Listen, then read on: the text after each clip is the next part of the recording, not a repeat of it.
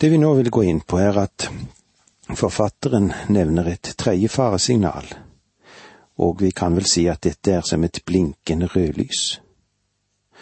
Han gjør seg klar til å føre oss ut på motorveien, om vi kan si det slik, men før det vil han at vi skal se til begge sider.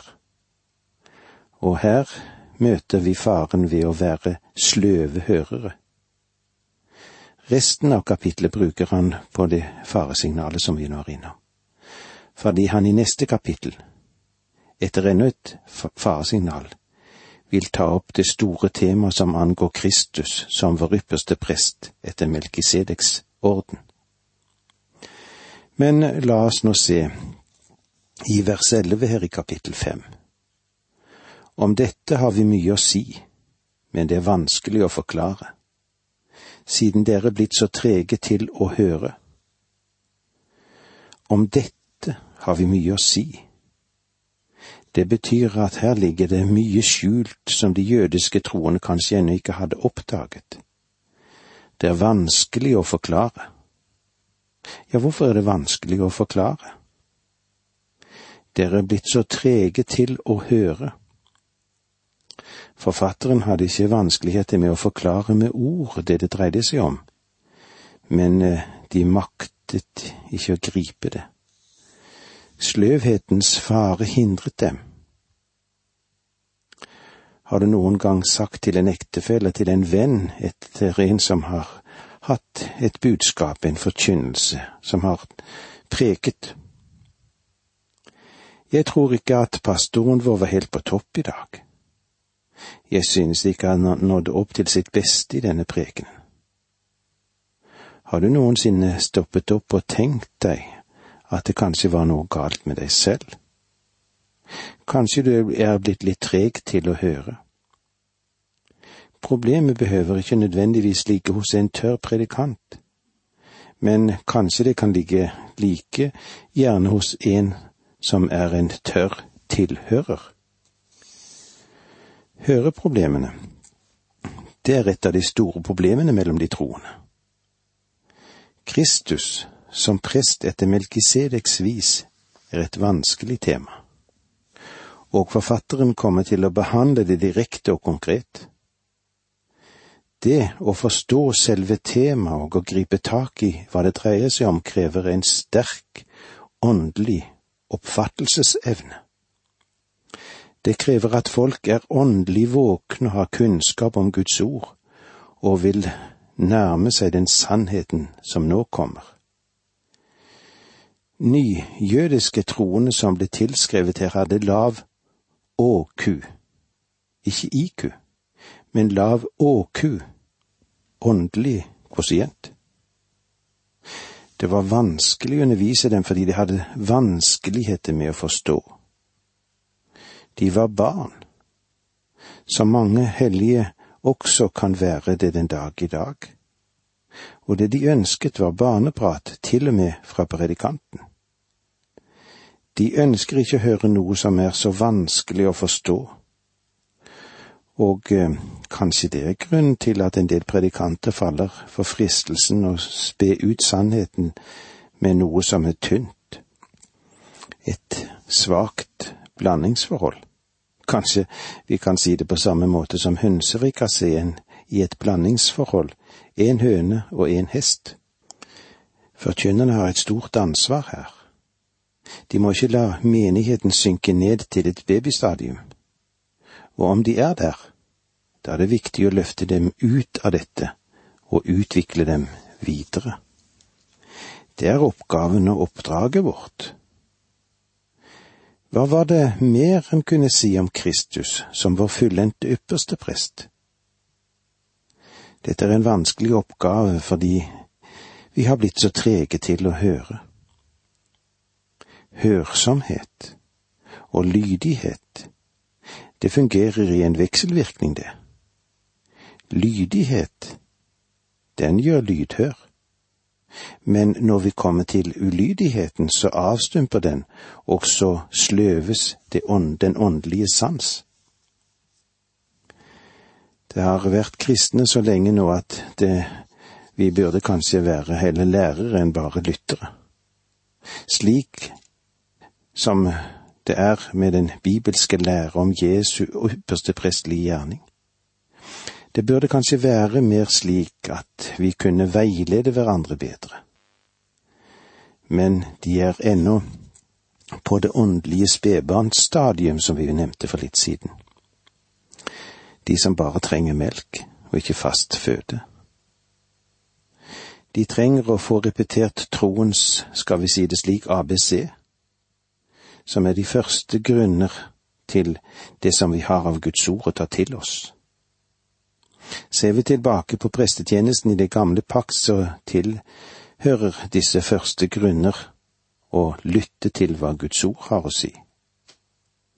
Når noen vil beholde eller fornye denne offertjeneste i tempelet med den begrunnelse at Gud selv har jo innstiftet den, da burde de kunne avvise en slik lære.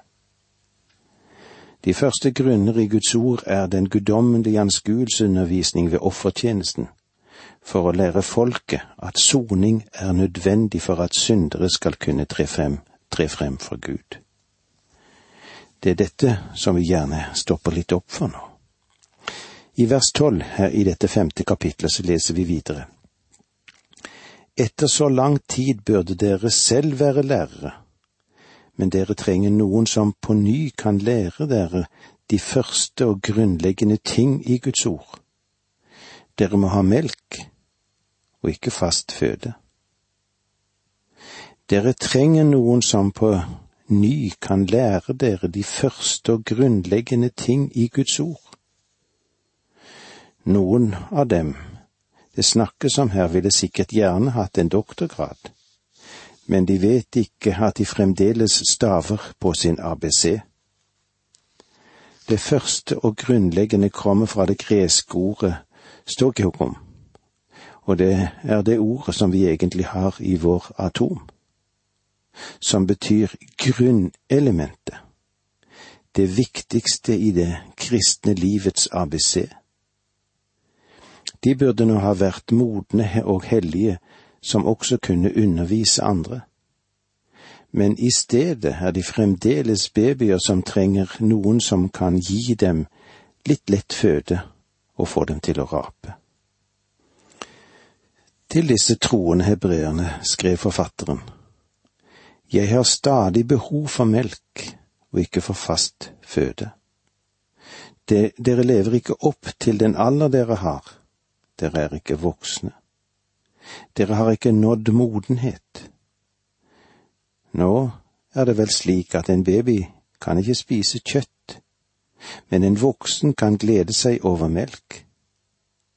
Men det betyr ikke at de som er modne stadig skal lates i stikken av forkynnere som ofte bare serverer melkeblandinger som er for lite for dem.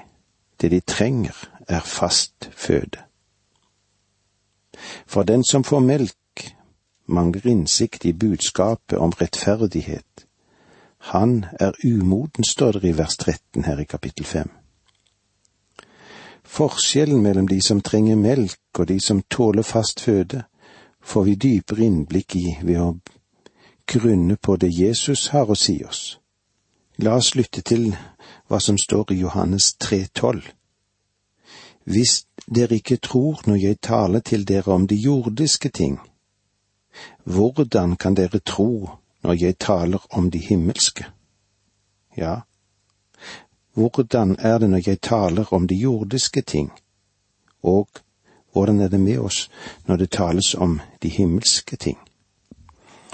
Normalt skal jo et barn begynne å øve seg i å tygge fast føde. La oss igjen se hva det står i vers 13 i kapittel 5 for den som får melk, mangler innsikt i budskap, budskapet om rettferdighet, han er umoden. Han kjenner med andre ord ikke Guds ord. Ja, la oss tenke på dette til vi møtes igjen neste gang. Takk for nå, må Gud være med deg. Dette undervisningsprogrammet består av to deler. Åge Nevland fortsetter nå med andre del av dagens undervisning. Vi er i Hebreerbrevet i det femte kapittelet. Vi er, i, vi er i avslutningen av dette kapittelet. Vi vil snart gå over i kapittel seks. Men i kapittel fem, vers 13 leser vi slik. For den som får melk, mangler innsikt i budskapet om rettferdighet. Han er umoden. Han kjenner altså ikke Guds ord. Jeg vil nødig trå på noen tær oppi dette. Men det jeg gjerne vil ha frem, er å være til hjelp. Du kan ikke vokse skilt fra Guds ord. Jeg er ikke interessert i å vite hvor aktiv du er i din menighet eller på bedehuset eller din forsamling. Det kan godt være at du er en av de fremste lederne der. Du kan vel være medlem i hver eneste komité på heimplassen din. Du kan ha sittet i menighetsråd i lang tid, kanskje i en menneskealder. Jeg bryr meg ikke om hvem du er eller hva du er, men forfatteren til hebreerbrevet forteller her klart at uh, om du ikke gransker Guds ord, og om du ikke vet hvordan du skal håndtere det, så er du et barn. Det er litt tragisk å ha en tjeneste når man bare er et barn. Det er en tid for å fostres og en tid oppi dette til å vokse. Det er tragisk om en har vært medlem av en menighet i mange år og har vært frelst det meste av sitt liv, og likevel går rundt og sier da, da, da. Enhver kristen har noe å bidra med og kan ikke hele livet bare være den som tar imot og får melk? Det angår oss alle, dette, og vi må stoppe litt opp for å se hva Gud gjerne ville ha fortalt oss. Det foregår altså en vekselvirkning mellom tro og kunnskap. Troen vokser i kunnskap når troen virker i lydighet på grunn av det som du tar til deg av Gud og Guds vilje. Herre, er en kraftig oppvekker for oss alle sammen, og det er en formaning til oss alle sammen. Og hva er det? Jo, ta oss i vare for åndelig latskap eller dovenskap. Det kan lage det slik for oss at det blir åndelig stagnasjon. Målet er å bli oppøvd til å skille mellom godt og. Vi må kjenne det sanne og gode for å kunne skille ut det usanne onde. Og dette gjelder både læren om frelsen og læren om det kristne livet. Åndelig slapphet med Guds ord fører til moralsk slapphet. Bevarer vi Guds ord i vårt hjerte og arbeider med det, så arbeider Ordet og Ånden sammen for å bevare oss i Kristi rettferdighet og i en rett kristen ferd. Ja, hvordan er det? Hvordan har vi det? Hvordan har du det? Men den faste føde er for de modne, for dem som ved å bruke sine sanser har øvd dem opp til å skille mellom godt og ondt, står det i vers 14. Det er viktig å ha dette med oss før vi går videre inn i det sjette kapitlet, der vi får et annet kjennskap til hva Gud har å si oss. Hva er dette med fast føde? Jo, vi må være kyndig i rettferdsord. Det er ikke lett for noen av oss å svare det kan jo si så mye om dette. Men den korteste og beste måten er kanskje å se litt og høre litt hva Gud sier selv i sitt eget ord. Å ta til seg fast føde og være kyndig i rettferdsord. Det er å eie visdoms og åpenbaringens ånd, så vi kan skille mellom det som er dårlig eller ondt og godt så vi rotfestet og grunnfestet i kjærlighet må være i stand til å fatte med alle de hellige hva bredde og lengde og dybde og høyde er, og kjenne Kristi kjærlighet som overgår all kunnskap, for at dere kan fylles til all Guds fylde, som det står i Feserbrevet. Her ligger veien til den faste føde og til den øvde sand som skaper sann kristelig vekst. Det vi gjør rett i her, er å merke oss at Paulus skiller mellom kunnskap og kjennskap. Det er stor forskjell på kunnskap og kjennskap. La oss lese en gang til vers 14 i kapittel 5. Men den faste føde er for de modne, for den, dem som ved å bruke sine sanser har øvd dem opp til å skille mellom godt og ondt. I første Korinterbrev 3.1 og 2 sier Paulus det på denne måten. Likevel kunne jeg ikke tale til dere brødre, som til mennesker som lever ved ånden. Jeg måtte tale som til mennesker slik de er av naturen, som til umodne kristne. Og i første Peter 2.1 og 2 sier han det slik til oss. Legg derfor bort all ondskap, falskhet, hykleri, misunnelse og sladder. Som nyfødte barn skal dere lengte etter den ekte åndelige melk, så dere kan vokse ved den til frelsen er nådd. Og det var det vi hadde med oss i kapittel fem. Nå går vi over i kapittel seks dette kapitlet, hvordan du enn ser på dette, eh, så inneholder de noen vanskelige vers i Bibelen og håndtere for noen som vil tolke dette. Uansett hvordan vi har det rent teologisk, eller hvordan plattformen er rent teologisk. Ethvert menneske som har ærefrykt for Guds ord, har kommet til denne delen med frykt om undring. Og eh, alle redelige tolkere, eller bibelfortolkere, har kommet til dette kapitlet med en følelse av utilstrekkelighet. Og det er slik vi nå skal nærme oss ordene i dette kapitlet. Faresignalet er fare for å vike av. I det kapittelet vi nettopp har gått igjennom, var faresignalet i det å ha vanskeligheter med å høre, lytte tar det til seg. Og nå når de jødiske kristne allerede kan se forfølgelsen som kommer nærmere og nærmere, så er det en fare for at de vender seg bort fra sin bekjennelse til Kristus og går tilbake til jødedommen. Han nevner noe av det barnslige ved jødedommen som har å gjøre med ritualene. Han oppmuntrer dem til å vokse og gå inn i en moden tidsalder et modent forhold til Jesus. La oss se i det første verset her i kapittel seks. Derfor skal vi nå legge bak oss det vi først lærte om Kristus, og søke å nå fram til modenhet. Vi vil ikke på ny legge grunnvollen og tale om omvendelse fra døde gjerninger og om tro på Gud legge bak oss det vi først lærte om Kristus. Det kan bokstavelig leses slik. Legge bak oss ordet om begynnelsen angående Kristus. For dem som bygger, betyr det å forlate fundamentet og reise stillingene en etasje over.